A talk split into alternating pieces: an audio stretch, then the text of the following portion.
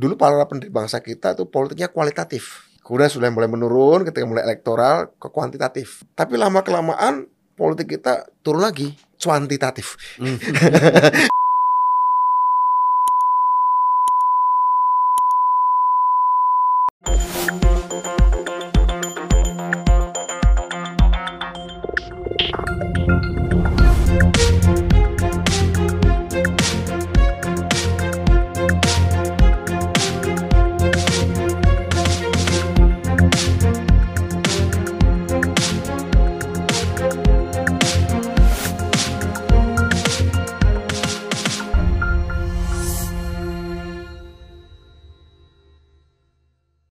Bismillahirrahmanirrahim. Assalamualaikum warahmatullahi wabarakatuh. Salam sejahtera buat kita semua. Selamat datang Mas eh, Budiman Sujatmiko. Ya, Terima kasih. yang luar biasa kalau saya ikuti profilnya itu sejak di kampus ya. Kemudian bahkan sejak pelajar sebenarnya sudah aktif ya kemudian di UGM juga. Lalu terus itu sampai membuat partai yang menggemparkan. Tahun 96 ya. 96 Iya. itu partai yang dianggap eh, salah satu pemicu riuhnya peristiwa 20 27 Tujuh Juli, Juli, ya. di Jalan Diponegoro kantor PDI waktu itu ya Kantor belum, PDI belum pakai belum perjuangan. ada eh, perjuangan Mm-mm. Nah, yang akhirnya diserbu. Kita nggak tahu siapa yang serbu. Ya itulah apa karya Mas Budiman dan kawan-kawan ya. Saya kira sekarang sudah menyebar di mana-mana ya. dan hebat juga. Artinya walaupun orangnya tidak banyak tapi ikut berperan di banyak tempat. Nah, itu yang saya kira. Nah saya manggilnya Bung aja lah Bung nggak apa-apa. Ya, boleh. karena kita kalau di dalam pergerakan itu manggil bung. Ya, betul. Tradisi tradisi nasional kita ya, Iya. tradisi bangsa kita ya, pergerakan. ya, jadi Bung Budiman, ini Ya. kan kita melihat ya situasi negara kita ini, terutama kalau kita bicara soal politik, Mm-mm. ini semua kan terfokus persoalan kepada pilpres, ya kan? Nah, pilpres, kemudian ribut-ribut antar pendukung Mm-mm. pilpres yang yang per- yang calonnya belum ada. Yang, Salahnya belum ada. yang artinya yang secara konstitusional kan belum ada kan? Belum ada. Kalau yang sudah dicalonkan, dideklarasikan, nah itu ada. Nah itu sebenarnya membuat kelihatan politik kita kan semakin kacau ya suasana politik kita, semakin tidak kondusif dan kekhawatiran itu kan muncul sekarang. Apakah bagaimana ini dengan politik identitas, bagaimana Hmm. polarisasi? Jangan sampai kita nanti pemilu 2024 seperti pemilihan gubernur 2017 Iya. di DKI kan gitu. Mm. Nah, nah ini bagaimana Bung Ya. Budiman melihat ini? Ya, terima kasih sudah diundang oleh Bang eh, Zulfan Lindan di sini ya untuk Unpacking Indonesia. Ini salah satu apa talk show yang eh, sedang melejit lah ya. Eh, jadi apa yang disampaikan tadi salah satu sebabnya menurut saya adalah memang belum ada calon resmi. Tapi bahwa dukungan itu sudah ada, kelompok itu sudah ada. Iya. Menurut saya sangat penting bagi siapa pun ya yang didukung besar atau kecil segala macam untuk juga mulai berbicara soal apa pikiran mereka tentang Indonesia. Ya. Kalau itu muncul, saya pikir itu akan bisa mengubah dinamika itu bukan lagi sekedar caci maki, Mm. tapi lebih pada visi si orang-orang ini. Saya nggak menyebut calon kalau memang belum ada calon ya. Mm. Jadi eh, dinamika nggak boleh kita hindari dan itu adalah bagian dari demokrasi Ya. nggak boleh kita hindari. Eh, yang harus kita siasati gimana isi dinamika itu. Mm. Isi dinamika itu menurut saya yang men- menurut harus dijadikan perbincangan di kalangan siapa pun, pro Ya. ini atau pro itu segala macam. Mm. Eh, sehingga kemudian kita bisa bangsa Indonesia bisa mendapatkan manfaat Ya. dari perbincangan-perbincangan yang penuh semangat dan dinamis itu. Satu itu. Eh, kedua, ini juga semakin menyadarkan saya bahwa rupa-rupanya perbincangan tentang ide masih belum dianggap Mm. oleh sebagian elit kita Ya. itu sesuatu yang bisa menjadi penyala dari dinamika itu. Mm. Padahal menurut saya masyarakat Indonesia ini relatif masyarakat yang Hmm. pada tahap tertentu masih paternalistik, Ya. mencontoh, melihat dan mengacu pada tokoh yang didukungnya. Hmm. Andai saja tokoh-tokoh itu mulai berani berbicara visi, gak apa-apa kontroversial sekalipun, gak apa-apa, it's Hmm. okay gitu ya. Ya, ya. Itu saya harap, saya yakin itu juga bisa memacu sesuatu Hmm. Untuk menjadi pro dan kontra dari lawannya, katakanlah begitu ya. Ya. Jadi tinggal saja kita berbicara di si tokoh itu berbicara soal visinya dia, apa pun, tentang apa pun lah. Hmm. Sehingga eh, yang yang menjadi persoalan-persoalan besar dunia yang dihadapi dunia hari ini persoalan bangsa. Ya. soal krisis, soal perang, Hmm. soal pandemi, Ya. dan kemudian hal-hal yang lebih programatik yang tidak harus seperti sebuah kampanye, Hmm. tapi kan bisa dibicarakan dengan cara santai. Ya, ya. Menurut saya itulah yang menunjukkan pentingnya seorang pemimpin. Karena bagi saya begini Bang Zulfan, pemimpin itu boleh sederhana berpakaian, Hmm. boleh sederhana dalam menjalankan hidup, Ya. bagus malah ya. Bahkan boleh sederhana dalam memilih kosakata boleh, Boleh. bagus. Ya. yang tidak boleh sederhana tuh pikiran-pikirannya. Ya. Pemimpin tuh dilihat dari pikirannya nggak boleh sederhana. Hmm. Bahwa penyampaian sederhana ya nggak apa-apa, bagus itu. Hmm. Nah pikiran-pikiran yang tidak sederhana itulah yang kemudian akan menciptakan dinamika dan ini akan meningkatkan Ya. literasi politik Jadi kita semua. secara lahiriah sederhana, Hmm? tetapi batin dan pikirannya Oh harus mewah, Harus mewah. harus mewah. Ya, itu yang yang kita perlukan sebenarnya. Ya, Makanya orang banyak mempertanyakan yaitu ketika Anies mengatakan yang paling penting itu sekarang bukan visi dan misi. oke. Nah, tetapi yang paling penting itu adalah apa yang sudah kita kerjakan. Artinya rekam jejak. Rekam jejak itu kan masa lalu kan. Mm-mm. Sementara kan harapan ke depan itu kan apa yang ingin dilakukan, visi dan misi kan. Nah, Ini Hmm. bagaimana? Jadi Begini, kalau berbicara soal seorang pemimpin hanya dilihat dari masa lalunya, Hmm. tapi tidak dilihat dari apa yang akan dilakukannya, hmm, maka pasti cara memilih pemimpin itu akan hanya mengacu pada masa lalu. ya, Satu itu. Kedua, kalau kita bicara masa lalu yang seseorang lakukan, pernah lakukan, maka sebenarnya kita berbicara tentang sosok itu saja. hmm, Dampaknya pada dia. Oh, Ya. dia orang baik, dia orang konsisten, hmm, dia orang lurus, dia orang bersih. Kalau itu baik ya, atau dia orang jahat kalau dia masa lalunya jahat misalnya Ya. begitu ya. Tapi artinya sebenarnya bicara tentang dianya, hmm, si sosok itu. Sementara kalau seorang yang dianggap akan jadi pemimpin itu bicara masa depan, dia berbicara tentang semua. hmm, Bahwa inilah yang akan kita alami. Inilah yang akan berdampak pada dirimu kalau aku jadi pemimpin. Ya. Jadi orientasinya orientasi publik, bukan orientasi kekerenan personal, ya, bukan orientasi eh, personality saja.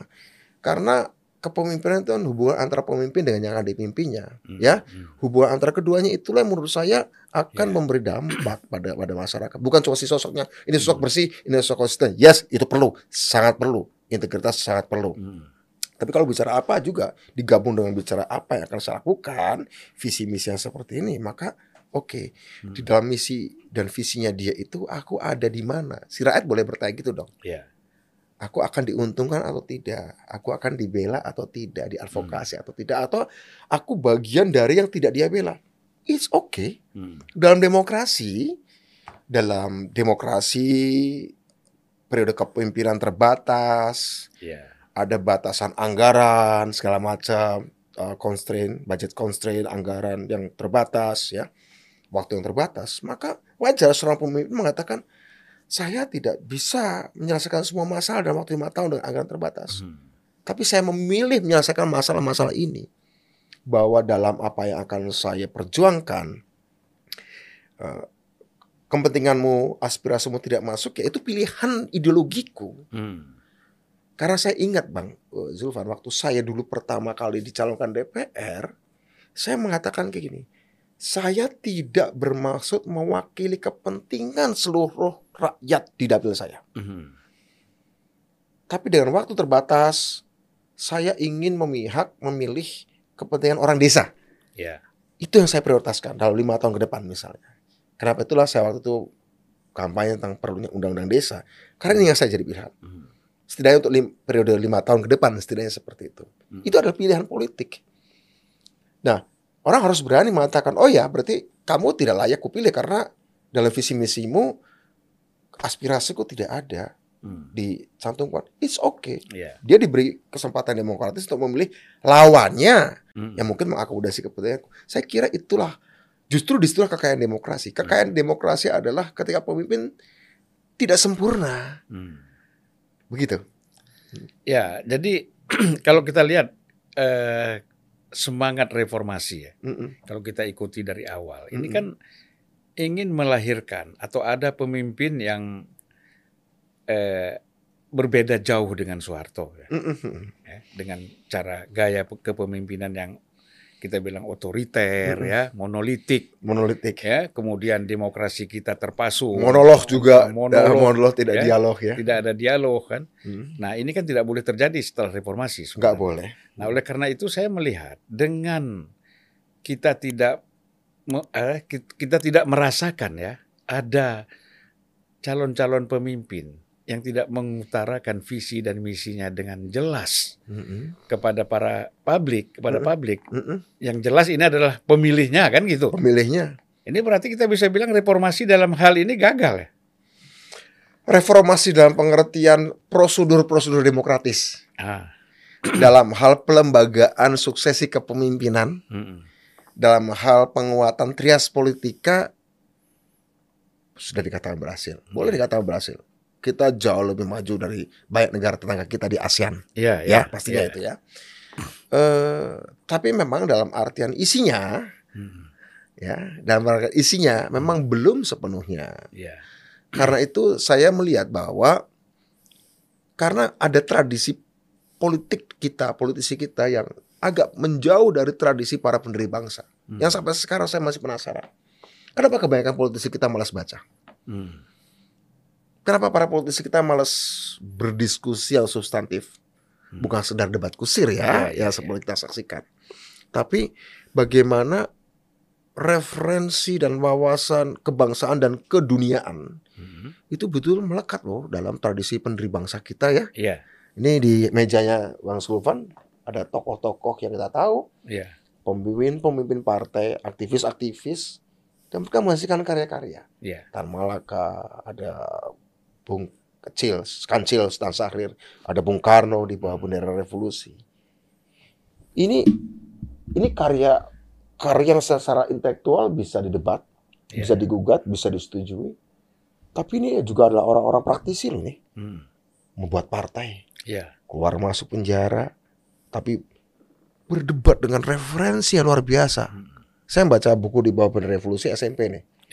F- SMP nih. Jadi saya mengenal alam dan semesta berpikir Bung Karno itu meski waktu itu dia belum keluar negeri, tapi dia bisa bercerita tentang revolusi Prancis, Iya. bisa bercerita tentang revolusi Amerika, revolusi Rusia, macam-macam. Tan Malaka juga apalagi begitu ya. Jadi menurut saya ini pikiran mereka membentuk Indonesia nih bang. Iya. Tapi ketika Indonesia sudah dibentuk, saat diisi kok kita kehilangan ya Iya. dengan kualitas-kualitas pemikiran seperti mereka. Ini sampai sekarang saya masih penasaran. Ya apa mungkin begini, misalnya orang bicara soal ideologi, ya bicara soal nasionalisme, Mm-mm. bahkan bicara agama seperti Mm-mm. Islam. Mm-mm. Ini kan kebanyakan orang bicaranya dalam bentuk sloganistik, ya atau kata orang dulu ini, ini ideologi dibicarakan dalam bentuk lip service, Lip service ya. Nah, Mm. tetapi tidak bicara Kembang lambe kalau saya bilang. ya. kalau cewek bilang kembangnya lambe, bunganya mulut saja. Ah, tapi kan tidak dipahami bukan secara baik, apalagi untuk mewujudkannya kan. Padahal Hmm. bangun negara itu ideologi sangat penting. Sangat. Nah, kalau orang mengatakan kan sekarang seperti Bung Budiman bilang tadi kan, bagaimana kita mau bicara soal ideologi, sementara diskusi-diskusi yang sederhana saja eh, tentang persoalan persoalan bangsa yang muncul ini, itu kan sama sekali boleh kita bilang tidak digubris ya oleh para politisi secara umum gitu kan. Nah sehingga Tentu ada kekecualian-kecualian ya. Ya, makanya. Oleh karena itu munculnya orang-orang seperti Bung Budiman, ya, muncul seperti orang Fahri Hamzah, misalnya orang ya termasuklah ada orang seperti Adian, ya, ada orang seperti Akbar Faisal, misalnya Refli Harun itu kan dianggap loh kok aneh nih ada orang kayak begini gitu. Mm-mm. Karena sebagian besar itu sudah memang eh, tidak pernah lagi masuk ke dalam eh, wacana-wacana seperti itu kan? Iya, eh, ini ya makanya tadi karena itu saya membedakan antara politisi dan manusia politik. Ah, ini menarik ini. Saya tidak suka disebut politisi. Ya. Saya lebih suka menyebut diri saya saya berusaha ingin menjadi manusia politik. Ah, Political man atau political person. iya. Saya sering ditanya, apa bedanya mas politisi dan manusia politik? Manusia politik menurut saya nih, tapi itu syarat yang saya buat sendiri. Iya. Setidaknya dia punya empat syarat. Ya. Satu, dia mencintai ide, Hmm. entah memproduksinya, entah mengkonsumsinya. Iya. It's okay. Rajin, baca, nggak pernah nulis juga oke lah. Ya. Tapi dia mencintai ide. Hmm. Satu itu. Syarat kedua adalah dia mencintai rakyat. Hmm. Ya, dia gaul dengan Iya, rakyat, dia dan- tahu panas teriknya rakyat, gitu, tahu panas teriknya matahari. Dia rasakan. Dia rasakan. Hmm. Syarat ketiga dia punya tradisi berorganisasi sejak muda. Baru syarat keempat, dia punya kehendak berkuasa. Hmm. Ada tambahan syarat kelima, boleh eh, boleh eh, tidak tidak wajib lah. Tapi kalau bisa bagus. Punya kemampuan retorika. Lisan ataupun tulisan. Sekarang kan banyak yang empat itu nggak ada, ada langsung retorika kan? Atau tiga, Ah. kehendak berkuasa saja. Hmm. Nah, politisi saya anggap hanya sekedar syarat keempat, kehendak berkuasa. Hmm. Tapi syarat suka ide, syarat cinta rakyat, syarat syarat beror, tradisi berorganisasi, Hmm. ini nggak ada. Jadi makanya saya lihat bahwa karena kita kebanyakan hanya syarat keempat, kehendak berkuasa dan retorika paling. Ya. Nah, syarat satu, dua, tiganya absen. Ini Ya. yang kemudian orang tidak pernah merasakan bahwa orang bisa diselamatkan dan dibesarkan oleh ide. Hmm. Tapi kebanyakan ketika di politik hanya dibesarkan oleh uang. Makanya saya bilang, dulu para pendiri bangsa kita tuh politiknya kualitatif. Hmm. Kemudian sudah mulai menurun ketika mulai elektoral ke kuantitatif tahun 55. It's okay, tapi masih ada kualitatifnya masih ada ya. Iya. Tapi lama kelamaan politik kita turun lagi. Hmm. Bukan kuantitatif saja, tapi sudah cuantitatif. Hmm. Ini turun lagi nih, Iya, ini turun lagi nih. Kita kebanyakan cuantitatif, kuantitatif pun ya Ya, tergantung cuannya kan begitu. Dibungkus dengan bahasa Nah. agak elit sedikit, money politik. Money politik ya. money politik dengan serbuan pajar ya. Oh, serangan fajar. Serangan gitu. pajar. Eh, baiklah itulah saya kira ya eh, problem dari situasi kita sekarang ini. Mm. Nah, saya ingin sedikit masuk ke dalam persoalan PDIP ini, Oke. ya. Baik, baik. Karena kan sebagai kader PDIP Hmm.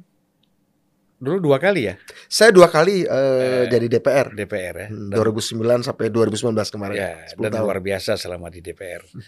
Eh, apakah Mbak Mega ini ya sebagai ketua umum PDIP Hmm.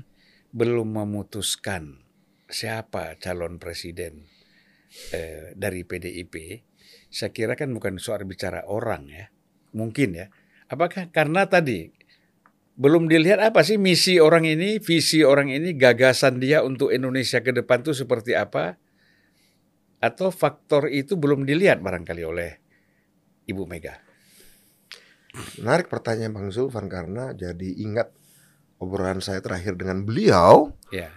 Eh, Juli tahun ini eh, Hmm. beberapa bulan lalu Eh, dan juga mengacu kepada saat beliau membuka rakernas PDI Perjuangan dan menutupnya. Saya ingat pidato beliau waktu menutup rakernas begini Bang Zulfan. Ya. PDI Perjuangan tidak mencari presiden. Hmm. Kami mencari pemimpin. Ya. Itu verbatim Iya, kata-kata beliau langsung. Hmm. Yang saya ingat ya. Kata beliau gini, saya pernah jadi wakil presiden, saya pernah jadi presiden. Kesimpulan saya adalah presiden itu orang gajian saja. Hmm. Ketika selesai dapat pensiun, seperti saya, saya dapat pensiun. Bapak harus memilih Ya. pensiun sebagai wapres atau presiden. Dan dia Bu Mega memilih sebagai presiden dia bilang kan. Ya. Tapi seorang pemimpin itu bukan orang gajian. Hmm. Dia itu tidak berpikir untuk lima tahun ke depan. Tapi saya cari orang yang memikirkan Indonesia 100 tahun ke depan. Beliau aculah pengalaman kisah Majapahit, ratusan tahun, toh jatuh juga. Romawi jatuh juga. Kalau ada pertanyaan tadi, kenapa belum? Karena menurut saya, kesimpulan saya yang mudah-mudahan tidak salah, Hmm. Tapi beliau sampaikan, beliau ngomong gini waktu ngomong pemimpin ya, Mhm. waktu rakernas. Saya lupa waktu itu forumnya tertutup atau terbuka. Tapi kalaupun tertutup, saya yakin Bu Mega nggak keberatan kalau saya sampaikan di sini. Dia mengatakan begini. Saya rindu pemimpin seperti Bung Karno, Mhm. Bung Hatta, Bung Syahrir, Muhammad Yamin, beliau nyebut itu. Mhm. Yang waktu saya kecil saya dengar mereka berdebat, diskusi dengan bapak saya Mhm. tentang negara, Mhm. tentang masa depan, tentang soal-soal strategis. Di situlah beliau merasa bahwa itu absen. Hari ini tidak ada perbincangan-perbincangan seperti itu. Perbincangan yang melampaui sekedar jabatan kepresidenan, tapi visi Indonesia 100 tahun ke depan. 100 tahun ke depan. 100 tahun ke depan, Bu Mega mengatakan begitu.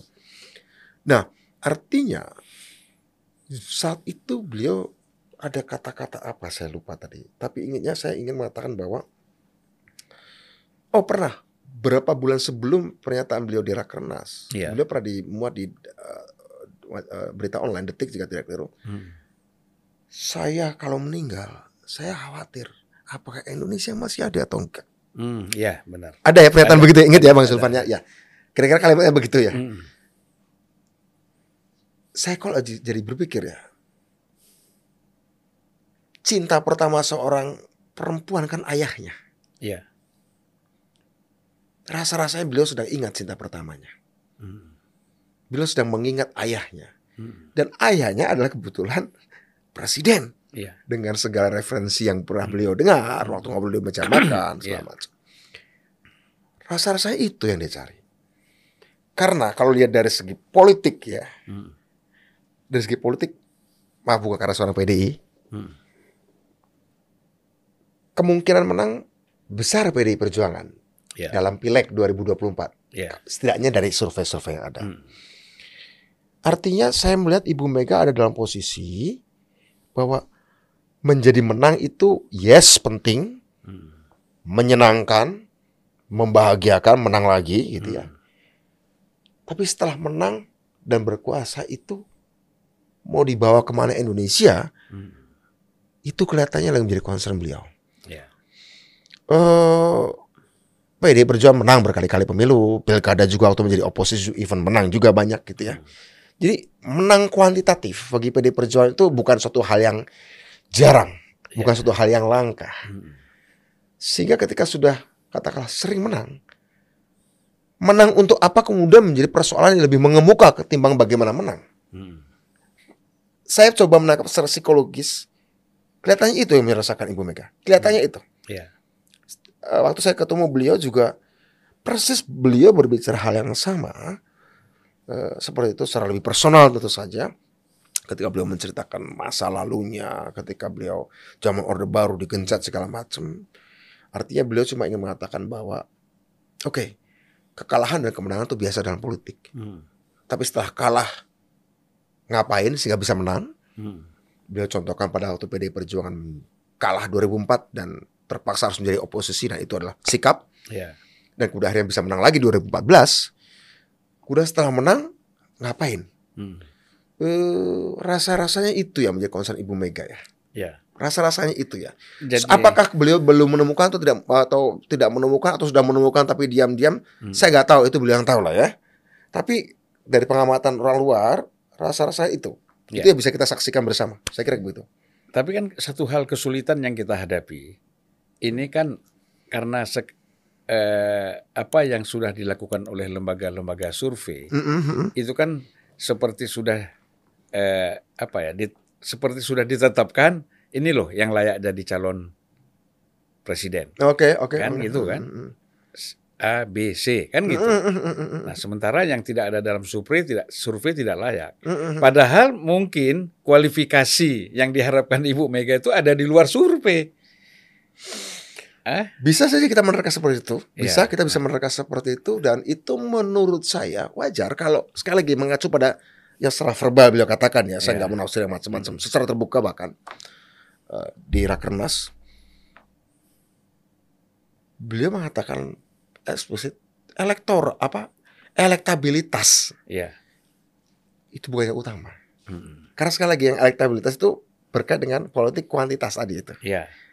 Kelihatannya yang beliau cari dan itu menjadi keputusan dari partai adalah dan berkali-kali dinyatakan oleh Pak Sekjen kepemimpinan yang saya ingat ya kalau Pak Sekjen Hmm. Pak Hasto dan saya kira pernyataan itu saya kira karena berkali-kali beliau nyatakan Hmm. kepemimpinan yang ideologis kemampuan teknokratis Ya. menyelesaikan masalah rakyat Hmm. dan bervisi ke depan Ya, Itu saya kira kriteria yang kriteria yang harus dimiliki oleh semua calon presiden. dan itu ya. standar saja sebenarnya standar ya. dan itu adalah standar yang menurut saya ya ya harus seperti itu. Hmm. Tapi kenapa itu menjadi begitu? Tadi kenapa mengacu pada perbincangan kita awal? Hmm. Kenapa itu tidak muncul? Ya. Entah ada beberapa saya saya curiga kayak gini, curiga kayak gini. Hmm. Satu tidak paham apa harus dilakukan untuk Indonesia Hmm. kalau berkuasa. Kedua atau kedua Hmm. dia paham tapi dia tidak mau kemukakan Iya. karena tahu bahwa rakyat pada umumnya tidak menghargai namanya Hmm. politik ide sehingga percuma aja saya ngombar ide toh tidak akan mendapatkan banyak simpati tidak akan Iya, mendapatkan banyak like ya Hmm. orang lebih suka misalnya melihat saya makan mie ayam pinggir jalan mungkin itu Iya, ya iya, iya. oke paham tapi dia tahu masyarakat Indonesia tidak akan mengapresiasi ide saya Iya. atau ketiga dia paham tapi takut ketika dia kemukakan dicuri oleh lawannya nanti kemudian diambil dong oleh lawan saya Iya. ya kira-kira begitu Iya. jadi ada tiga kemungkinan tidak paham paham tapi tahu bahwa ini tidak akan diapresiasi oleh orang banyak Iya. mengira bahwa rakyat Indonesia ya seperti seperti itu saja Hmm. seolah tidak pernah naik kelas ya ketiga paham tapi takut kemudian idenya akan dicuri lawan Iya. tapi menurut saya tiga hal ini bisa dibantah masing-masing satu kalau nggak paham ya itu dijelas lah saya kira perbincangan kita awal itu mengatakan ya kalau kamu nggak paham tentang Indonesia mau diapain ngapain jadi pemimpin kayak gitu Iya. ya oke itu jelas pasti tidak memenuhi kualifikasi kepemimpinan Iya. kedua paham tapi dia merasa atau mereka merasa bahwa ini tidak akan diapresiasi rakyat Hmm. ini juga salah dan keliru ini salah dan keliru Hmm. saya ambil contoh sederhana contoh kecil saja bang Zulfan contoh pada waktu saya nyalek DPR RI Hmm. Eh, saya diminta jadi calon legislatif 2009 pertama kali, Iya. 2008 dimintanya. Kemudian saya berpikir, saya mau jadi calon eksekut- eh, legislatif bukan eksekutif, sehingga saya tidak layak memberikan janji seolah-olah saya akan jadi eksekutif misalnya. Oke, kalau saya kepilih jadi DPR, saya akan bangun jembatan di sini, saya Hmm. bangun rumah di situ. Itu kan bukan janji legislatif, itu janji Hmm. eksekutif. Iya. Oke, kalau gitu saya masuk DPR, saya coba bawa draft undang-undang, Hmm. draft undang-undang desa. Waktu itu. Banyak orang mengatakan, apa itu laku, Budiman? Saya akan coba. Saya akan coba, apakah laku atau tidak? Apa rakyat menghargai ide atau tidak? Hmm. Ketika saya coba praktekkan pertama kali saat saya masuk caleg kampanye DPR, Hmm. saya praktekkan. Ternyata bisa tuh. Hmm. Ternyata bisa dan ada bahkan ada temuan yang menarik. Komunitas yang sama itu juga memperlakukan si calon yang berbeda dengan cara berbeda. Hmm. Ketika si calon bawa ide, maka rakyat akan mengapresiasi ide. Hmm. Dan komunitas yang sama, dapil yang sama, ketika ada calon lain tidak membawa ide, Hmm. tapi membawa politik cuantitatif, Iya. ya mereka juga akan ambil juga. Jadi rakyat itu juga tidak mandek. Iya. Rakyat juga punya kecerdasan kolektifnya sendiri, Hmm. kecerdasan kolektif bahwa mereka bisa memperlakukan politis yang berbeda, caleg-caleg yang berbeda dengan cara berbeda sebagaimana mereka ingin diperlakukan. Hmm. Sehingga rakyat juga punya dialektiknya sendiri. Iya. Rakyat yang sama, komunitas yang sama. Jadi asumsi bahwa rakyat tidak akan pernah menghargai ide, ya itu asumsi yang salah. Itu bantahan kedua. Iya. Bantahan ketiga, kalau aku mengeluarkan ide akan dicuri oleh lawanku, Hmm. akan diambil Iya. karena dia punya asumsi lawanku oportunis, Hmm. nggak jelas ideologinya, Iya. yang penting nampak menarik dan akan diambil. Menurut saya itu menunjukkan bahwa dia sebenarnya miskin. Hmm. Orang yang takut dicuri idenya, artinya dia tidak punya stok ide yang banyak. Iya. Idenya hanya sedikit dan begitu berharganya ide itu, sehingga ketika diambil lawan dia akan kehabisan. Bisa. Bagi saya itu ya nggak siap. Seorang sekali saya katakan, pemimpin itu boleh sederhana dalam berpenampilan, tapi tidak dalam pikiran. Hmm. Dan Dan ketika tidak sederhana dalam pikiran, artinya kamu punya banyak stok pemikiran. Ilmu itu tidak akan berhabis gitu loh. Ya, jadi kan kalau kita bicara ide, ide kan itu nggak habis. Nggak akan Selama habis. kita masih mau berpikir ya kan. Selama masih mau berpikir dan menikmati itu, ya. Ya, kalau enggak ya kita enggak muncul tuh gagasan dan ide-ide Oh, betul. yang Ya. baru ya. Ya. Sekarang kita mau melihat lagi ini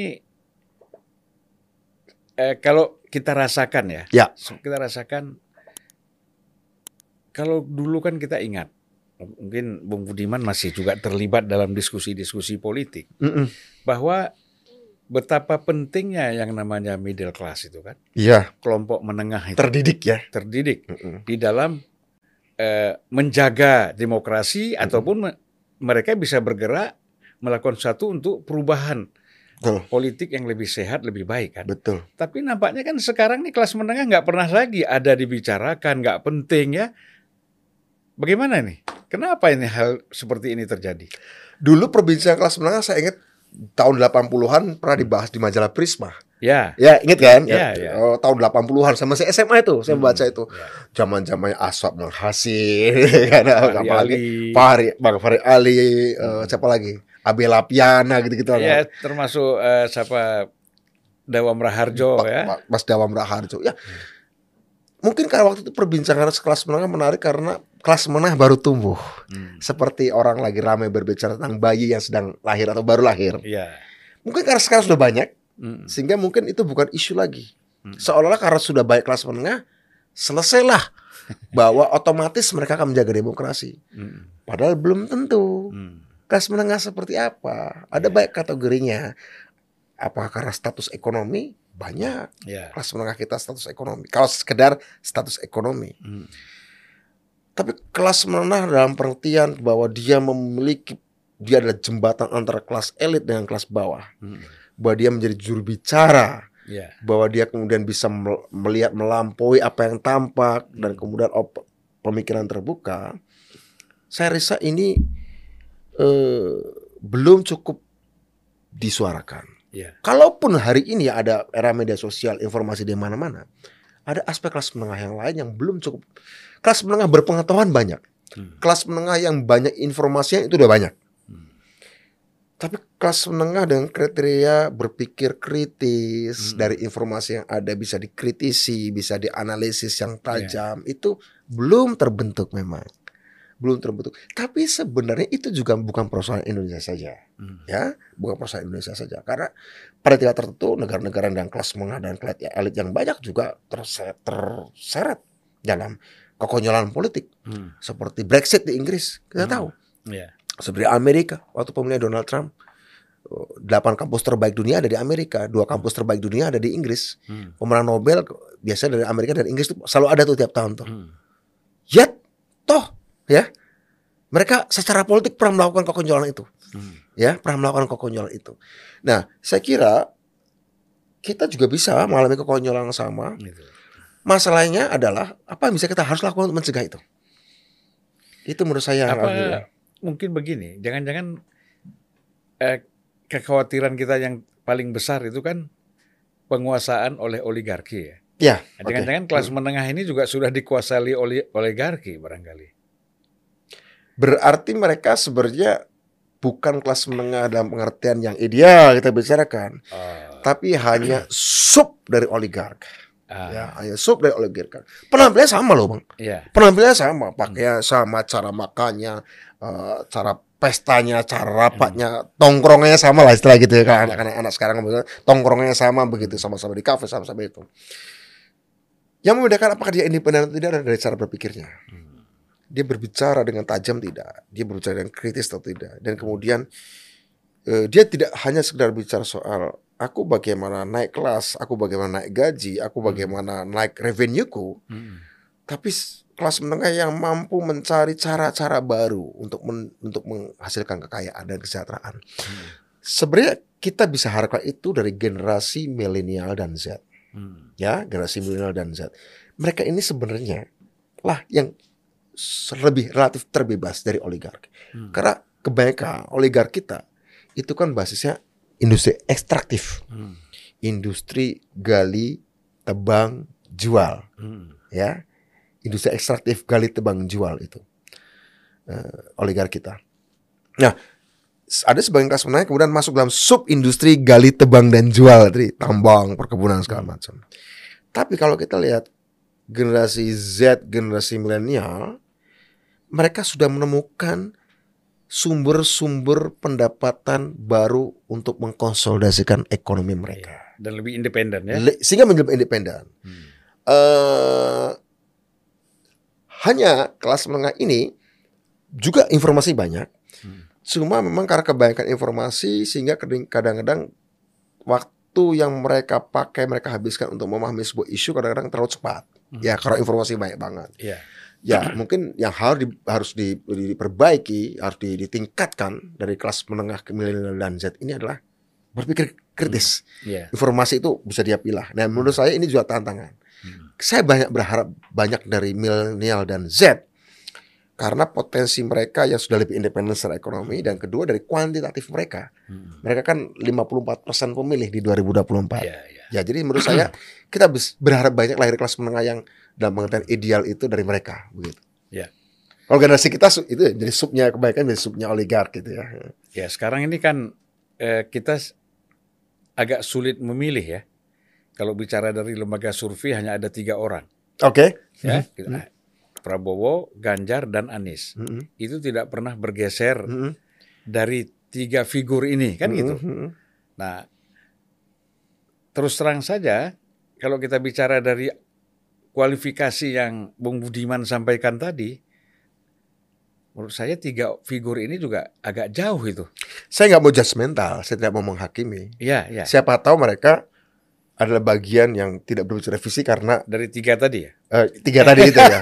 Uh, kemungkinan karena dua dan tiga ya, bukan yeah. karena ketiadaan visi ya. Iya, iya. Ya, kalau yang paling parah kan nomor satu tadi, yeah. memang betul-betul nggak ngerti. Mungkin mudah-mudahan karena dua dan tiga. Tapi siapa tahu uh, ya mereka tidak bicara karena ketakutan rakyat tidak akan mengapresiasi mereka. Yeah, Menurut saya just give it a try. Hmm. Cobalah. Kalau nggak yeah. berani mencoba, bagaimana yeah. kamu akan tahu rakyat ini benar atau tidak? Kita punya anak misalnya. Hmm. Saya kalau mendidik anak saya, saya kadang saya kasih persoalan paling susah apa dari tema hmm. pelajaran yang paling dia sukai. Misalnya matematika atau fisika. Saya kasih problem yang paling susah dari bidang itu. Hmm. Kalau dia suka, dia akan cari tahu itu. Hmm. Rakyat itu kalau suka, Sambil contoh Bang Zulfan. Bung Karno. Tahun 20-an, tahun 30-an, tahun 40-an. Kita tahu. Yeah. Rakyat Indonesia, rakyat Hindia Belanda pada waktu itu pendidikan berapa banyak sih yang bisa sekolah? Hmm. Tapi apa yang Bung Karno katakan? Yang Bung Karno tulis di pikiran rakyat yang terkumpul hmm. di bukunya ini. Yeah. Tahun 20-an, 30-an. Dia berbicara persoalan dunia. Hmm. Padahal mayoritas rakyat marahain yang yeah. dia bela, baca aja nggak pernah. Yeah. Tapi dia bicara tentang Nazi, dia bicara tentang Marxisme, dia bicara tentang kapitalisme, dia bicara hmm. kolonialisme dengan istilah-istilah asing. Hmm. Dan kemudian ketika Bung Karno jadi presiden, saya kadang tahun 90-an ketika dulu mengadvokasi petani di Jawa Tengah, yeah. ya perkebunan, bela petani waktu itu tergusur. Ketemu orang-orang tua, saya tahu mereka pasti pendidikannya secara formal rendah. Hmm. Tapi mereka bisa paham apa yang dimaksud oleh Bung Karno tentang tahun-tahun vivere pericoloso. Yeah. Tentang apa itu eksploitasi dolong pahlong. Hmm. Apa itu samun bundeling van alle revolutionary krachten. Bahasa Prancis, bahasa Latin, bahasa Belanda. Yeah. Si orang desa yang rumahnya gubuk itu yang saya ajak ajak ngobrol tentang petani, yeah. tentang penggusuran. Dia paham bahwa kata-kata itu meskipun asing, itu kata-kata yang bertenaga dan bercahaya karena berbicara tentang aku yang marahin si miskin. Artinya apa? Jangan jangan menganggap bahwa rakyat paham sesuatu karena dia aku paham artinya enggak. Hmm. Bukan arti kata perkataan. Tapi ketika diucapkan oleh dia orang yang ya? diucapkan oleh orang yang dipercaya, dia tahu yeah. ini pasti tentang saya. Ya, jadi, Hubungan pemimpin kan gitu dengan rakyat, ya. bukan seperti guru dengan murid ya, beda ya, ya beda ya. Jadi kan saya itu ya, ini menarik ini, Bung ya. Kalau artinya ini kan menjadi satu eh, bukan problem ya, harus dipahami oleh para calon pemimpin kita. Tantangan. Tantangan. Tantangan untuk misalnya diatasi. begini. Hmm. Eh, rakyat ini ketika Bung Karno pidato, saya kan masih ngalamin. Iya masih, saya nggak saya ngalamin ya kan? saya. Itu saya di Medan. Ya. Oh Medan ya. Itu semua tukang becak berhenti. Ya, tukang becak, tukang bakso, tukang jual, semua berhenti pegang radio transistor itu. radio transistor ya. Mendengar pidato Bung Karno sampai selesai. Disiplin mereka. Disiplin. Nah, jadi kalau kita lihat dari situ sebenarnya tadi hubungan pemimpin, kalau rakyat itu sudah suka sama pemimpin, nggak perlu juga jalan-jalan ke seluruh provinsi, ya kan? Mm-mm. Bikin apa rame-rame yang kemudian itu menimbulkan konflik. Tetapi cobalah mulai eh ya bicara dari kalau podcast kan masih terbatas. Iya, kan? iya, iya. Nah, TVRI kita membuat program Mm-mm. Misalnya bagaimana ide pikiran-pikiran pemimpin ini disampaikan semoga sehingga rakyat itu memahami Mm-mm. dan mencintai dia atas dasar pikirannya itu. Pikirannya kan dia. Yang pikirannya itu adalah untuk membela saya. Ya. Tid- kan seperti saya katakan tadi, hubungan antara pemimpin dengan rakyat itu tidak seperti hubungan antara dosen dengan mahasiswanya atau Hmm. guru dengan murid di kelasnya. Enggak. Ya. Jelas kalau guru pada muridnya, dosen pada mahasiswa adalah membuat kognisi, pengetahuan, cara berpikir si muridnya itu masuk gitu ya ilmunya ya, tentang ilmu ekonomi, ilmu apa pun. Kalau pemimpin tidak. Pemimpin membuat rakyatnya paham itu karena rakyat paham karena ide si pemimpin adalah untuk membela dirinya Mm. untuk membela di, nasibku gitu kira-kira begitu untuk Iya. perjuangan nasibku. Nah inilah yang belum berani ditembus, belum berani ditembus. Ya. Entah karena ketiadaan referensi Mm-mm. si pemimpin-pemimpin atau ketiadaan keberpihakan yang Mm. Ya. tulus. Karena itu nangkap, rakyat nangkap Iya, kok, rakyat nangkap kok. Sehingga tidak yakin. Nggak yakin. Padahal kan kalau kita lihat semua nabi lah sampai kepada Oh, iya, Nabi Muhammad. Ya ya ya. Kalau kita bicara kan mereka tuh rakyat ya rakyat yang juga tidak bisa memahami secara intelektual ya, Secara secara intelektual, keilmuan apa Secara yang keilmuan epistemologi nggak ada urusan, nggak ngerti ya. Tetapi kok mereka mendukung? Ya mereka mencintai, Iya. mau mati buat ini. Pra- trust, percaya. Iya. Nah ini menurut saya ya. Jadi sekarang ini teknologi semakin canggih, Informasi semakin banyak. banyak tanpa kita datang ke satu kampung pun dengan teknologi yang ada orang bisa menyerap, Ya. tetapi tidak kita lakukan. Mm. Kita lebih senang datang, ya kan, ke karena begini mungkin eh, seperti tadi mencintai rakyat dianggap kita berkunjung kepada mereka, sementara nasib mereka tidak kita perbaiki. Ini kan saya tidak menyalahkan kunjungan ke rakyat bang. Ya. Itu enggak enggak enggak enggak enggak karena gini. Em, sekali lagi rakyat juga berevolusi. hmm, Kenapa dulu pendekatan belusukan Pak Jokowi ya, itu begitu jadi fenomenal? Hmm. Karena sebelumnya pemimpin tapak berjarak dengan rakyat. ya, Ya. Atau sebelumnya tradisi yang cukup lama hanya ada tradisi mobilisasi. hmm, ya tradisi mobilisasi tuh ya kan? Jadi pemimpinnya diam rakyatnya di di gebiah-gebiah supaya bergerak ngikuti si pemimpin itu. Mobilisasi namanya Hmm. kira-kira gitu. Jadi pemimpin pasif rakyat disuruh aktif. Ya, Pak Jokowi menjadi fenomenal ketika rakyat di tempat akulah yang aktif mengunjungi. Maka belusukan kan sebenarnya hmm, membalik itu. Bukan rakyatnya bukan rakyatnya yang Ya. bergerak tapi pemimpin yang bergerak mengunjungi. Hmm. it's okay. Aktif ya. aktif pada masa itu. Hmm, tapi kan saya di mas zaman itu bergerak bang. Kalau tadi pemim, mobilisasi adalah pemimpinnya diam, rakyat disuruh bergerak mobilisasi. hmm, Kemudian Pak Jokowi membongkar dengan, oke rakyat di situ, aku yang aktif. ya, Ini tesanya kalau istilahnya, ini Hmm. tesisnya Pak Jokowi antitesnya, antitesisnya. Terus besok apakah harus ke tesa lagi? hmm, Enggak. Harus ke sintesa bang.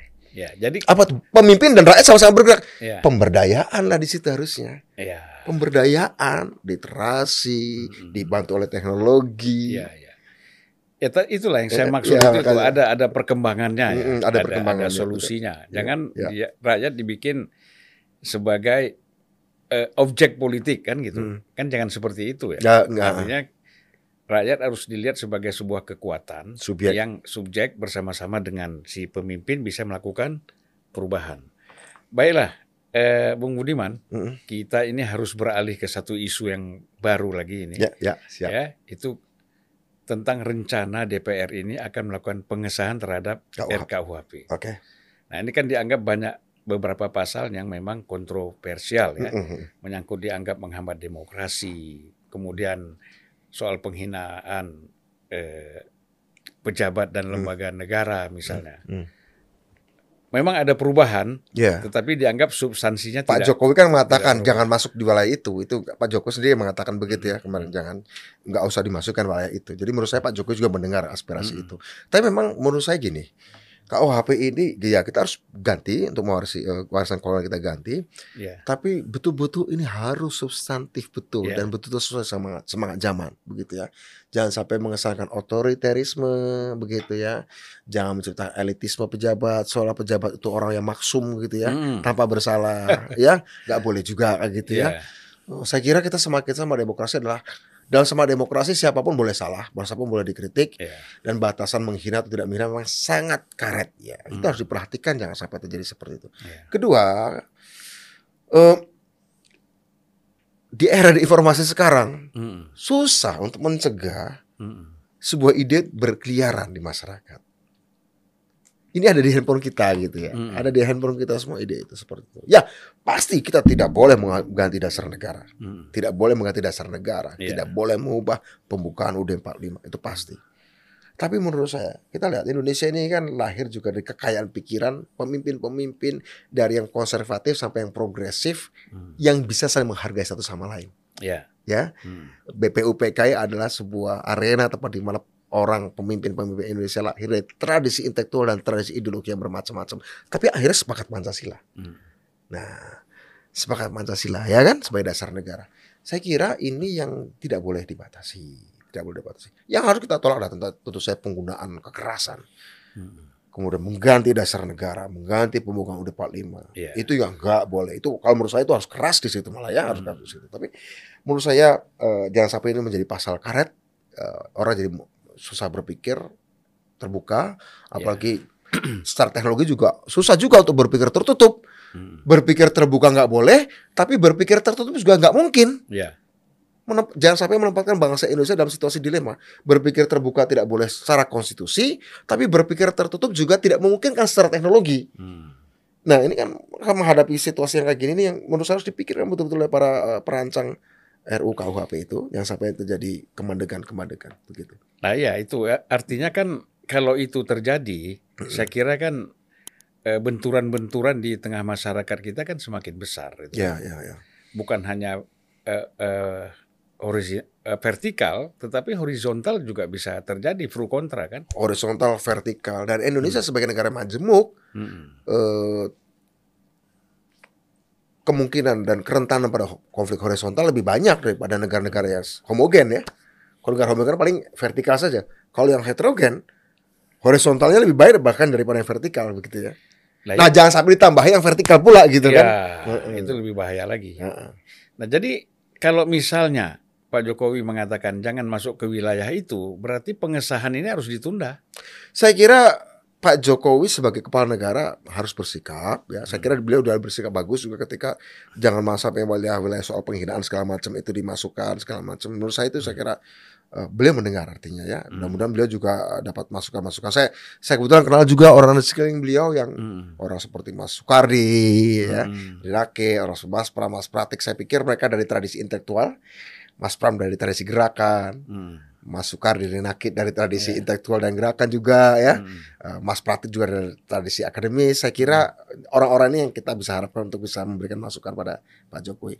Pak Muldoko juga sebagai KSP ya seorang jenderal yang tidak punya masalah dengan masa lalu pelanggaran HAM. Mm. Jadi saya pikir juga akan lebih terbuka menyampaikan pada ya. beliau. One Team Press kita juga orang seperti Habib Lutfi, orang seperti banyak lah yang menurut saya juga berpikir terbuka. Yang penting jangan ganti Pancasila, jangan ganti NKRI, jangan Ya. ganti demokrasi. Nah, itu kan persoalan lagi tuh. Hmm. Kalau kita kita masuk sedikit persoalan Pancasila. Dari dulu kan kalau kita bicara bahwa ki- kita pertahankan Pancasila Hmm. ya pembukaan Undang-Undang Dasar 45 ini kan dianggap sebagai terlalu sakral. Oh, Oke. Padahal kan yang dimaksud kita tahu lah ya. Hmm. Artinya bahwa betapa sulitnya kita menyatukan kemajemukan ini menjadi seperti ini sekarang ya Hmm. dengan berbagai pengorbanan yang ada. Sangat banyak Nah, pengorbanan itu. Nah sehingga kalau kita bicara perubahan saya nggak tahu ini mungkin Indonesia ini tercerai berai udah nggak ada lagi NKRI. Waduh, itu adalah titik optimal kita sebagai Ya. orang Melayu bisa bersanding dengan orang Papua, dengan bisa bersanding dengan orang Bali, dengan orang Flores, dengan orang Jawa. Itu titik optimal. Ketika Iya. ada geser titik optimal itu tikar karpet tempat kita berdiri ini atau duduk ini ditarik kita berjumpa di tanda nanti. Ya karena kan yang kita bangun ini kan semangat republik dan demokrasi ya. Ada Republikanisme. kekurangan oke. Oh pasti. Pasti. Buatan manusia. Iya. Heeh. Jadi kalau kita kalau memang undang-undang ini tetap ingin disahkan ya Hmm. dengan kondisi eh, yang ada, Mm-mm. artinya apa yang disampaikan tadi keinginan Pak Jokowi ataupun orang-orang dekat, tapi DPR tetap mengesahkannya besok. Itu siapa kira-kira yang diuntungkan dengan kondisi isi undang-undang seperti itu? Saya tidak tahu persis ya grup-grup atau individu-individu yang diuntungkan. Tapi menurut saya yang dirugikan pasti banyak. Yang diuntungkan persis tidak tahu karena karena karena orang untuk dapat keuntungan dari sebuah produk hukum itu kan bisa sangat situasional tergantung Iya. tergantung dari kelincahannya untuk bersikap oportunis terhadap sebuah produk undang-undang. Karena undang-undang Iya. seperti itu kan bisa dipakai oleh siapa saja Mm. untuk menggebuk lawan. Iya. Bisa dipakai oleh siapa saja. Kadang-kadang bisa dipakai oleh Saleh, Bang Sofalinda, nanti bisa Hmm. dipakai oleh uh, kubu yang berbeda. Bisa loh. Bisa loh kalau misalnya saat uh, partai saya kalah misalnya Iya, gitu ya. Jadi Bisa alat dipakai. pemukul aja ya. Alat pemukul. Ah. Jadi yang ambil keuntungan bisa siapa saja. Iya. Tapi yang jelas dirugikan adalah masa depan kita. Hmm. Jangan sampai tadi Bang rakyat Indonesia jangan sampai dijepit oleh keadaan dilematis. Ya. Secara undang-undang kita nggak boleh terbuka, tapi secara teknologi kita juga nggak mungkin tertutup. Iya. Itu ngeri loh itu. Dan kita menganggap juga reformasi ini semakin mundur kan? Ya itu jadi akhirnya kemudian mengalami di masa di mana kita butuh kemampuan imajinasi bangsa Indonesia menghadapi Hmm. situasi sekarang. Yaitu saya kira gini, semangat reformasi ini kan memang tidak boleh mati. Nggak boleh. Memang kita melihat ada kekurangan-kekurangan. Sangat, Saya kira pasti. semangat ini karena pengo- pengorbanan kita kan cukup besar ya. Mm. Kita merasakan ya, kita ikut semua Iya. ya, proses ini terjadi kan. Mm, Berdarah di lapangan segala Sampai macam. kemudian kita lakukan pemilu 99 itu kan Iya. pemilu perjuangan. ya. Iya, memaksakan supaya lebih cepat gitu ya. Iya. Nah, Nah, saya kira Kita ini mendorong. eh, boleh kita merasakan ada kegagalan dan kekurangannya Mm-mm. dari reformasi ini, tapi jangan kita menganggap ini tidak ada.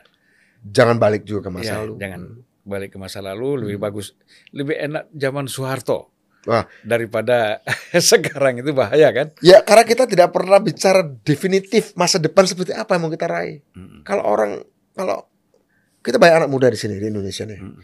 Sudah sifat anak muda itu idealis kan. Anak muda itu kan tidak realistis Mm-mm. dan memang tidak boleh realistis anak muda itu. Dia harus idealis. Mm-mm. Nah, ketika dia idealis, pasti ada ketidaksukaan dengan situasi yang ada. Seperti Iya. kita pramuda, Iya, kita iya. tahu Benar. kita selalu ingin keluar dari kenyataan hari ini. Mm-mm. Masalahnya dulu kita cukup bisa menjanjikan masa depan apa untuk keluar dari zaman Orde Baru. Mm-mm. Ya, diskusi-diskusi kita cukup bisa memberikan gambaran. Yuk kita keluar dari situasi hari ini, yuk kita menuju ke sana.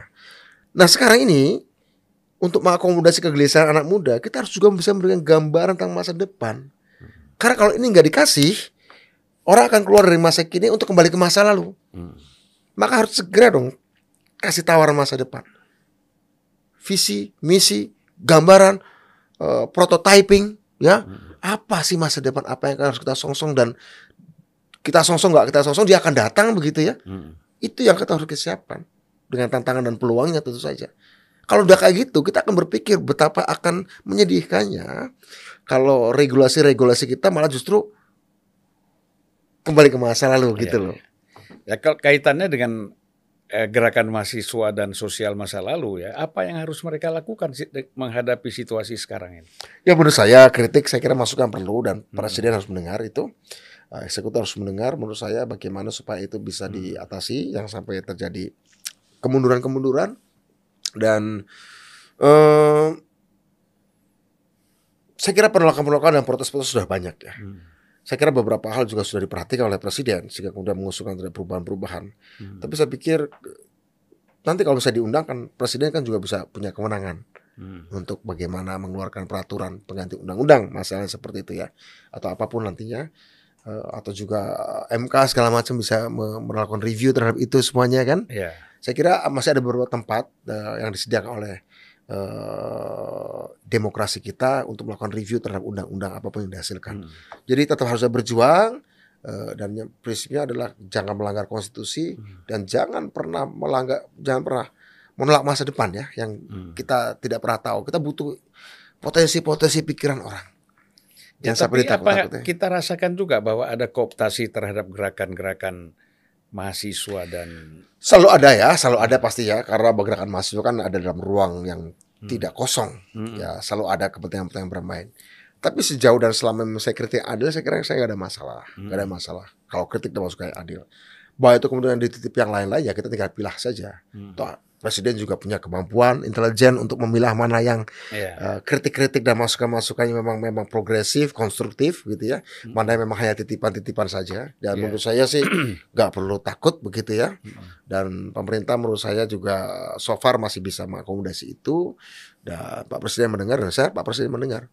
Eh, Ya, ja- tapi kan dia anggap bahwa eh, berekspresi pada masa sekarang ini itu lebih eh, lebih tidak bebas dibandingkan pada masa lalu. misal di masa lalu seperti Ya pada orde baru lah misalnya.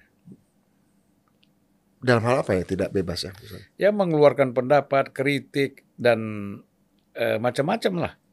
Saya kira jauh lebih bebas ya menurut saya. Jauh Gitu lebih ya. bebas karena belum sempurna Hmm. pastinya.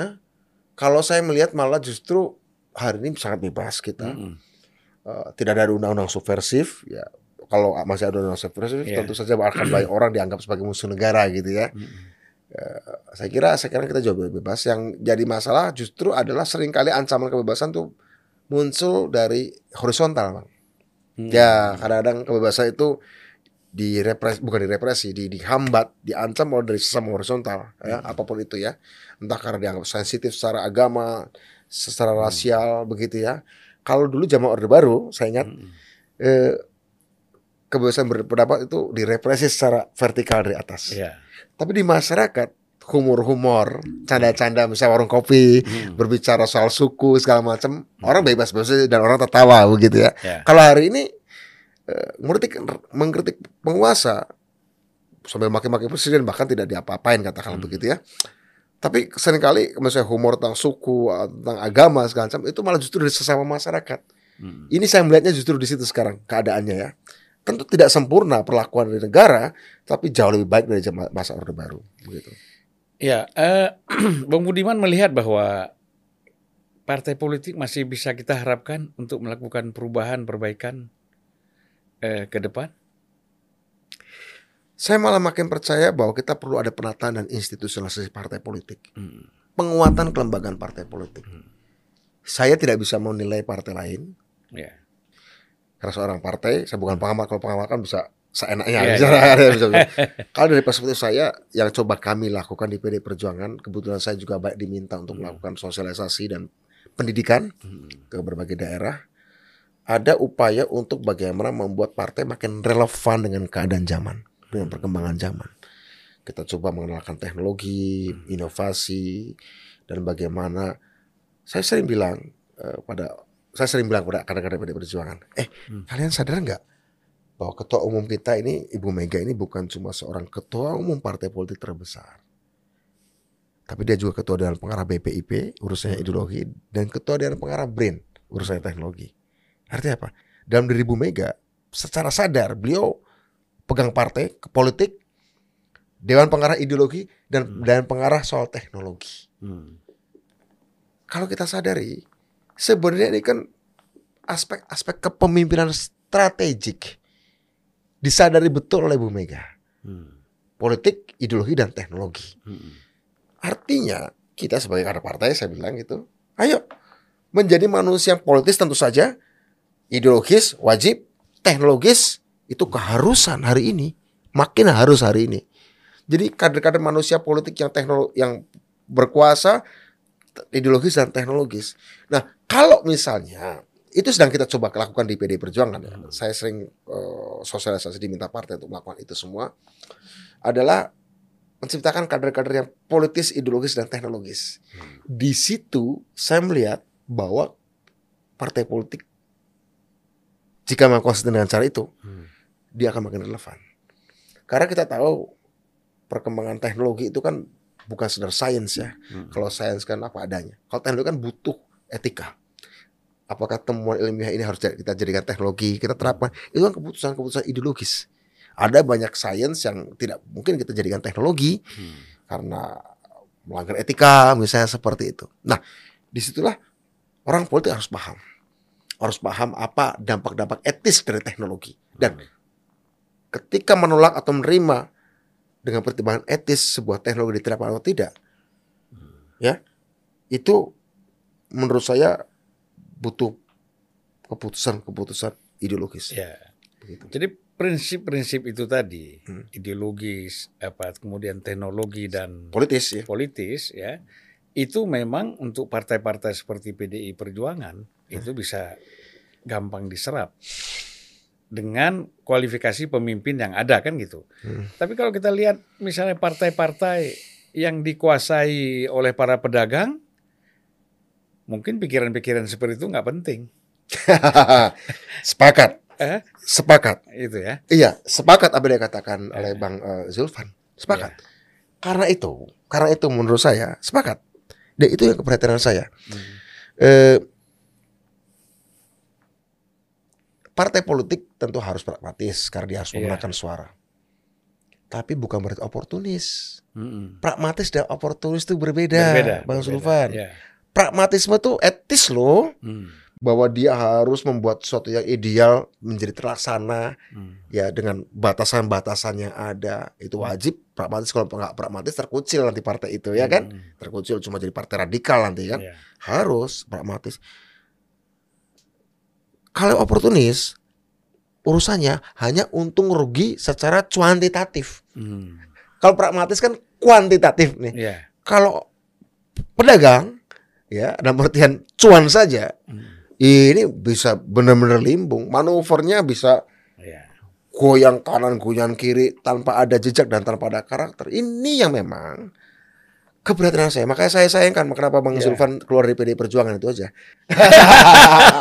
Saya tuh nggak pernah keluar dari PD. oh gitu ya Kalau orang bicara keluar itu kan karena ada masalah. Ada masalah saya tahu bang Zulfan nggak ada masalah saya Nggak tahu nggak saya, saya tahu bang Zulfan nggak ada masalah cuma Ya. kok hilang lu kok udah di tempat lain Kebetulan saya aktif, kemudian ya diajak untuk mendirikan partai, Hmm. ya saya ikut aja. Ah. Ya. Ya, ya. ya itu yang kalau saya tidak berhasil bisa menilai yang lain, saya nggak tahu ya. Tapi kalau di kami lagi coba membangun itu, lagi coba membangun itu Hmm. dengan mengacu tadi perbincangan perkataan Bu Mega yang tadi ya. Ya saya kira itu kan nanti juga sangat bergantung kepada sebagian elit dan kadernya ya mampu nggak menangkap itu kan gitu. Tidak semua elit partai ataupun kader partai bisa menangkap itu secara utuh kan gitu. Eh, saya sering bicara kayak gini Bang Zulfan. Eh, kebetulan sekjen kami itu barusan selesai doktoral geopolitik. Ya, Mas Hasto. Ya. Menurut saya penting seorang pem- pemimpin itu paham dua ilmu, Hmm. sejarah dan geopolitik. Hmm. Benar, setuju saya. Sejarah itu tentang waktu, geopolitik itu tentang ruang. Hmm. Nah, menurut saya kalau seorang pemimpin partai politik, pemimpin negara tidak paham sejarah tentang waktu dan tidak paham geopolitik tentang ruang, itu pasti akan tersesat. Apalagi kalau urusannya cuma soal untung rugi. Hmm. Nah, untungnya Bu Mega tuh sangat suka sejarah dan sekjen kami Pak Hasto belajar geopolitik. Ya, Itulah asiknya. dikombin jadi lengkap ya. Ruang waktu kalau dalam fisika itu kan space time. Dan kesempatan berdialog juga banyak ya. Ya, ya, Ya, kesempatan terbuka ya, itu yang Terbuka, paling terbuka. penting. Bukan dialog biar recehannya, bukan Ya, dialog ya, dialog ya. di sini jadi ini menang ini Ya. enggak. Mau pindah-pindah komisi jadi ketua komisi ya kan? Eh. Bukan yang itu. Ada itu ada, aspek itu ada tapi enggak cuma itu tuh. Ya. Kalau cuma itu saja Ya, betapa ya, itu kan aspek praktisnya kan. Aspek praktisnya, harus ya. ada juga gitu. ya, ya. Bung Budiman, kita ini ya. pertama ini semangat. Ini semangat yang luar biasa menurut saya Hmm. ingin membangun satu kawasan ya. Mm-mm. Kawasan ini dinamakan dengan Bukit Algoritma. Ini kan luar biasa.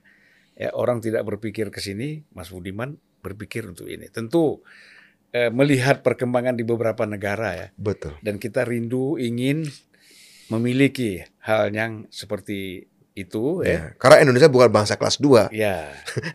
Malaysia saja bisa. Malaysia saja bisa. Masa kita nggak bisa. Aduh. Jadi saya kira apa yang dilakukan oleh eh, Ma- eh, Bung Budiman dalam konteks bukit algoritma ini sebenarnya kan bukan persoalan yang terlalu repot. bukan mewah, bukan, Bukan hal mewah. mewah, iya Biasa kan? aja. Seperti tahun 90-an dulu, demokrasi kan bukannya hal mewah. Hmm, Kenapa orang anggap aneh sih? ya, Iya kan?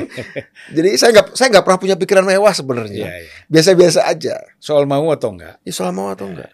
Satu lagi setelah kita mau atau tidak ada support atau enggak kan gitu. Nah, itu. Nah, Itu bagaimana meyakinkan kan?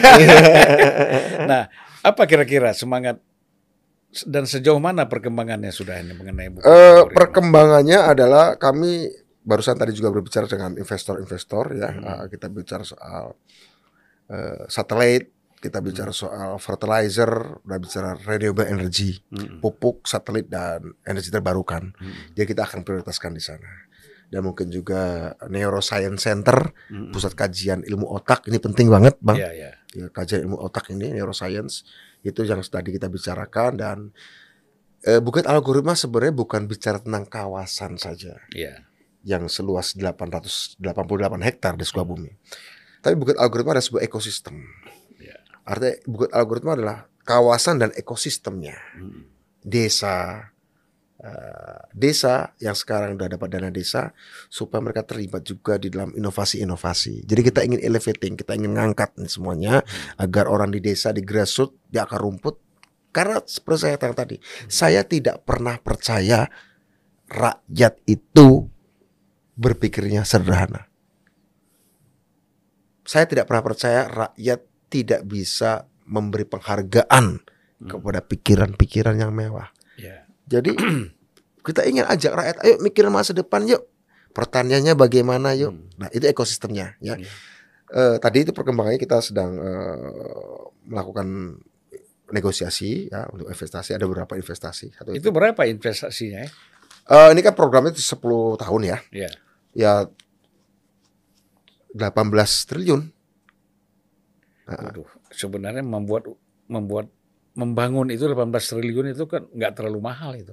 untuk sebuah proyek negara ya. Iya. Tapi ini bukan negara ya. Ini bukan negara, ini swasta ya. Ya, tapi kan Harusnya ya. negara akan memanfaatkan itu kan. Nah, yang menarik, menarik Pak Jokowi kemudian membuat Perpres bulan November tahun 2021 yang memberikan alokasi untuk pembangunan wilayah di sekitar Bukit Algoritma. Di mana di situ disebut juga ada proyek kami.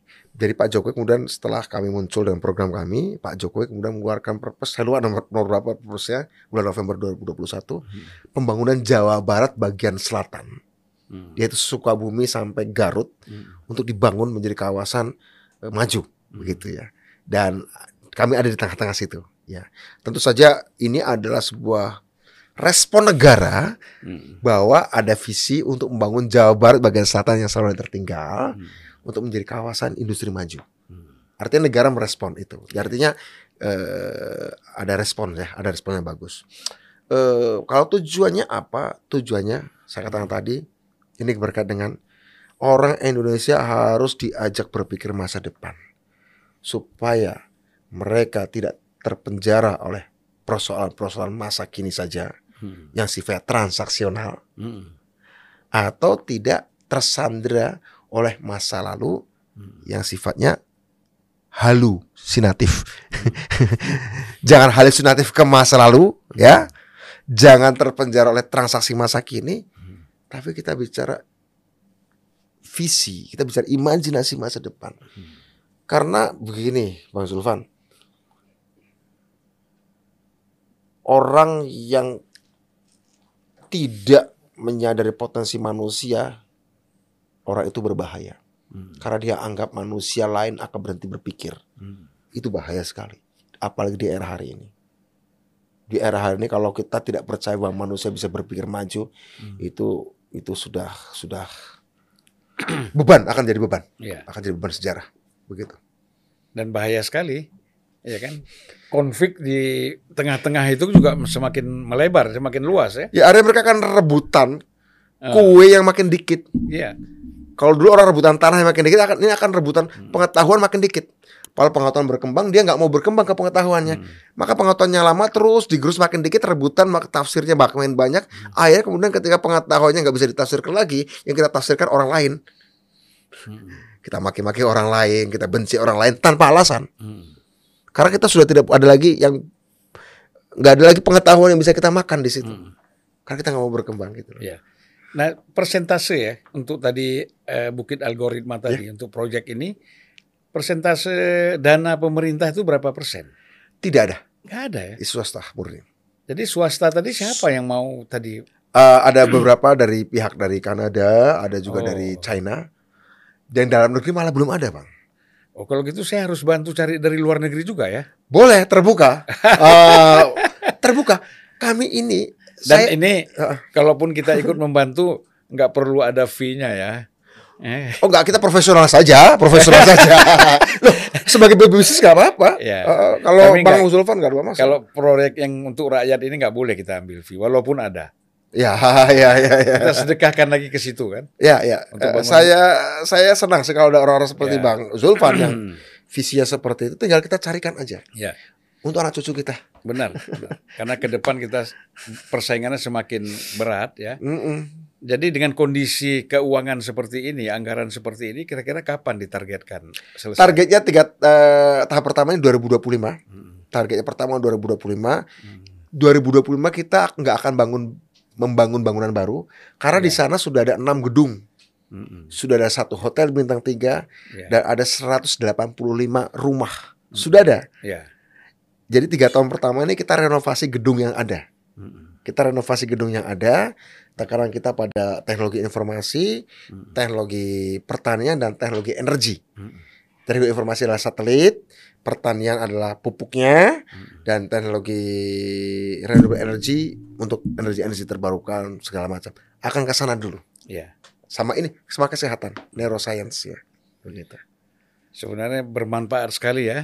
Ya kita doakan Amin. semoga Amin, ini iya. cepat Harus, selesai dan banyak support dari berbagai pihak Ya, ya. ya. Dalam dalam negeri belum ada nih. Dalam negeri belum ada. Luar negeri ya lah ya itu. Ya, insya Allah. Eh, ini ada empat pertanyaan dari netizen ini. Ini dari Rana Bizi. Mm-mm. Dia tanya lagi, layakkah pengesahan RKUHP untuk negeri ini? Ah, mungkin bisa dijawab singkat aja tuh. Seperti saya katakan tadi, untuk undang-undang yang represif, eh, artinya besar-besar soal hukum segala macam, itu kita harus memperhatikan yang namanya perkembangan zaman. Jangan sampai kembali ke masa lalu. Jangan terburu-buru. Dan presiden harus mendengar masukan-masukan yang positif. Banyak masukan positif. Hmm. Jadi Pak Presiden sebagai orang yang lahir dari rakyat Hmm. tentu saja tahu apa artinya suara rakyat itu. Begitu. Ya, yang kedua dari Arunika. Wah, ini cewek apa cowok nggak tahu saya. Ini. Menurut Bung Budiman dan Bung Zulfan, sosok pemimpin seperti apa yang kita butuhkan, yang dibutuhkan Indonesia saat ini? yang dibutuhkan pemimpin di era sekarang adalah pemimpin yang penyongsong masa depan yang membumi. Hmm. Down to earth futurist. Ya. Penyongsong masa depan yang membumi. Artinya dia membumi, Hmm. dia membangun ekosistem dengan cara membangun ekosistem. Pemimpin masa depan dia berani ngomong visi. Ya. Jangan kamu anggap bahwa rakyat itu nggak ngerti. Rakyat kan ngerti deh. Iya, iya. Rakyat ngerti deh. Dulu aja ngerti apalagi Dulu sekarang. jangan ngerti. ya, apalagi Iya. sekarang. Jangan Jangan merasa bahwa kita di atas Ya. rakyat ya pengetahuannya ya. jangan underestimate sama rakyat. Jangan Jangan o- overestimate terhadap diri kita sendiri. jangan Gitu kan? nggak boleh itu. Ya. Nah, no, yang ketiga ini dari Avian. Menurut Bung Budiman, gembar-gembor politik hari ini sudah pantaskah berjalan? Ah, ah, Belum pantas. Belum Seperti pantas. kita ah, bicarakan di awal ya, Ya. gembar-gembornya sekadar masalah like and dislike personality, Hmm. suka dan tidak suka pada person. person, pada cara berpakaian, pada cara makan, pada cara menari, pada cara apa pun. Ya. Ya. Bukan itu. Indonesia tidak akan Indonesia tidak akan lebih baik karena pemimpinnya makan pakai garpu atau pakai tangan. Bukan. Ya, bukan di situ. Hmm. Tapi apa yang ada dalam kepalanya, rekam jejak dan visi, dua-duanya nggak Ya. boleh dipisahkan. Ya, Rekam jejak saja tanpa visi, ya. loh kita nih lagi mau buat buku oh, rekoleksi, buku kenangan atau gimana? Kan enggak. Kita akan buat buku masa depan, Ya. visi juga. Dan presiden yang akan datang untuk masa depan. Untuk masa depan, Bukan bukan, untuk masa, masa lalu. Bukan. Iya betul. Yang keempat ini dari saya pikir Eros Jarot tadi. Rupanya Eros Sahdan. Ya. Menurut Bung Budiman, apakah IKN akan dilanjutkan oleh presiden selanjutnya? Eh, tergantung presidennya barangkali ya.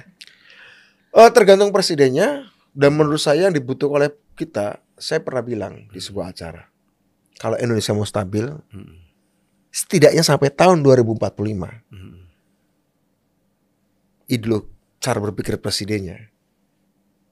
Kalau perlu partai politiknya jangan ganti dulu deh. Hmm. Tetap dipilih secara demokratis. Hmm. Tetap dipilih secara demokratis. Iya. Kita butuh konsistensi. Iya. Minimal sampai 2045 ya. Arah politik, gaya politik, visi politik, eh, akar ideologi politiknya jangan berubah. Begitu terhenti di tengah jalan, kita akan maju lagi, mundur lagi, maju lagi, mundur lagi. Kita jangan sampai seperti Amerika Latin atau Filipina yang setiap 10 tahun ganti spektrum politik. Kadang kiri, kadang kanan, kadang kiri, kadang kanan. Kalau bisa sampai 2045 ajak seperti Jepang. Mulai sejak Perang Dunia Kedua sampai tahun 2022, dari tahun 45 sampai tahun 2022 hanya ada satu partai yang menang terus, Liberal. Liberal Democratic Party. Saya kira Indonesia tidak mungkin seperti Cina, Vietnam satu partai. Iya. Kita tetap demokratis, Hmm. tapi kalau kita ingin nyampe ke tujuan, pasti ada kelemahan, pasti ada kekurangan. Hmm. Kalau bisa rezim politiknya tidak berganti. Tapi tentu setiap tahun harus dievaluasi oleh rakyat. Iya. Dan itu juga menjadi koreksi bagi kami untuk terus-menerus membuat kebaruan dan relevansi. Makanya ini kan bicara rezim politik ya, Ya. bukan bicara personnya ya. Bukan. Nah, harus dipahami nih kan. Beda, beda. pikir kepengen tiga periode, empat periode lagi kan. Re- Rezim politik jadi Ya. cara berpikir, iya. cara bekerja, cara memimpin. Hmm. Saya kira begi, saya kita merasakan ya, kalau anggota DPR ini banyak seperti Bung Budiman, dan kita harapkan ini mayoritas bukan minoritas di lembaga eh, parlemen kita ya. Saya kira kita pasti banyak bisa melakukan suatu perubahan dan perbaikan. Tapi kalau kembali lagi, kalau urusannya transaksi, ya urusannya hanya sekedar ya bicara remeh temeh. Nah, ini saya kira kita ke depan tidak akan mendapatkan apa-apa. Walaupun presidennya bagus, Ya, meskipun presidennya bagus. kalau parlemennya lemah, ya lemah di sini Atau tidak berkualitas. tidak ya. berkualitas maksudnya. Iya. Lemah ini karena tidak berkualitas, ya kan? Tidak mampu memahami persoalan bangsa dan negara dengan baik. Mm-mm. Ya kasihan juga presidennya kan? Kalau saya kayak gini, saya punya prinsip. Hmm. Jika ada orang cerdas atau orang berkualitas Hmm. tidak bisa jadi pemimpin, yang kasihan si orang itu. Hmm. Tapi jika ada orang Cerdas. orang tidak cerdas Hmm. atau tidak- tidak berkualitas jadi pemimpin, Hmm. yang kasihan rakyatnya. Ah, Jadi Saya kalau ada orang berkualitas tidak jadi pemimpin, kasihan si orang itu. iya. Tapi kalau ada orang yang tidak berkualitas jadi pemimpin, yang Rakyatnya kasihan yang kasihan. rakyatnya Jadi korban jadi korban. karena kebodohan itu. Tidak Iya kan? kualitasnya, tidak berkualitasnya itu. Ya, Gitu. itu memang dari sejak dulu Nabi Muhammad udah bilang itu. Oke, iya Ya, itu. jadi aku punya bahu ini dibebani oleh eh, apa? kebodohan, Hmm, kebodohan dan kemunafikan. hmm, hmm, hmm. Nah, sehingga yang korban itu umatnya kan gitu. Nah, Kalau ada pemimpin yang seperti itu. Oh, betul betul. Kalau saya tambah lagi, eh, Kak Alifah eh, Ali bin Abi Thalib kan pernah bilang gini, kebaikan yang terorganisir tidak terorganisir akan kalah oleh kejahatan yang terorganisir. Hmm. Kalau saya sedikit amandemen, Ya. kebaikan dan kebaikan yang tanpa ilmu Hmm. akan kalah oleh kejahatan yang dengan ilmu. Ya. Betapa pentingnya ilmu gitu. Ya, artinya seperti polisi dengan penjahat ya. Iya, gitu. gitu. Polisi bikin antinya, penjahat bikin lagi. Iya. Ah, kejar-kejaran. Mungkin kita masuk ke closing statement, Bung. Apa yang bisa disampaikan terakhir mengenai terutama yang perlu diketahui kita mimpi-mimpi kita ini, Bung Budiman pastilah punya. Tadi kan bicara imajinasi ya. Nggak mungkin kita ini nggak punya im- imajinasi. Imajinasi saya, Hmm. jika Indonesia suatu saat bangkit, dipimpin dengan pemimpin-pemimpin yang berkualitas terus-menerus, Hmm. konsisten, Indonesia tidak akan sekedar menjadi seperti Korea, Hmm. tidak akan menjadi sekedar seperti Jepang atau Eropa Barat. Iya. Kelasnya Indonesia itu Amerika, Rusia, dan Cina. Hmm. Kenapa? Kok sok iye, sok yakin saya? Hmm. Besarnya Korea, besarnya Jepang, besarnya Singapura, besarnya Taiwan, besarnya Eropa Barat karena mereka mengandalkan sumber daya manusia saja, Hmm. tapi tidak ditopang oleh sumber daya alam. Iya. Sehingga saat krisis perang hari ini, mereka kesulitan gas, kesulitan gandum, Hmm. kesulitan nikel, Hmm. oke? Karena hanya sumber daya manusia saja. Iya. Kalau Indonesia bisa besar, bangkit, maka dia akan sekelas Amerika, Rusia, atau Cina. Hmm. Karena apa? Ketiga negara itu menjadi superpower karena mereka ditopang oleh Sumber- sumber, daya alam dan sumber daya manusia berkualitas. Iya. Kita sudah punya nih sumber daya alamnya.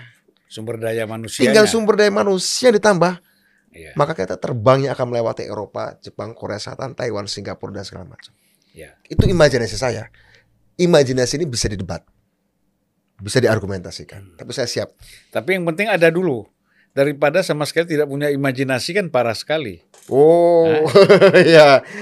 Ya, Ya. para pemuda yang bersumpah tahun 28 kan juga berimajinasi imajinasi Indonesia. Mereka tidak Iya. berpikir melahirkan Majapahit, membangkitkan Demak atau Kutai kan. Indonesia, Iya. imajinasi itu. Pemusik seperti John Lennon aja punya imajinasi. Imagine ya, Imagine. ya lagunya. Betul. love people kan. Betul. Baiklah Bang Budiman, Hmm. terima kasih banyak Terima ya. kasih. Ah, ya insya Allah kita ketemu lagi. Terima kasih. Ya saya senang sekali. Terima kasih, terima kasih sudah diundang loh. malam ini. Iya. ya, Ya, demikian ya. makasih. terima kasih. Sudah diundang. heeh. Ya, Dan Assalamualaikum. Waalaikumsalam warahmatullahi wabarakatuh. ya.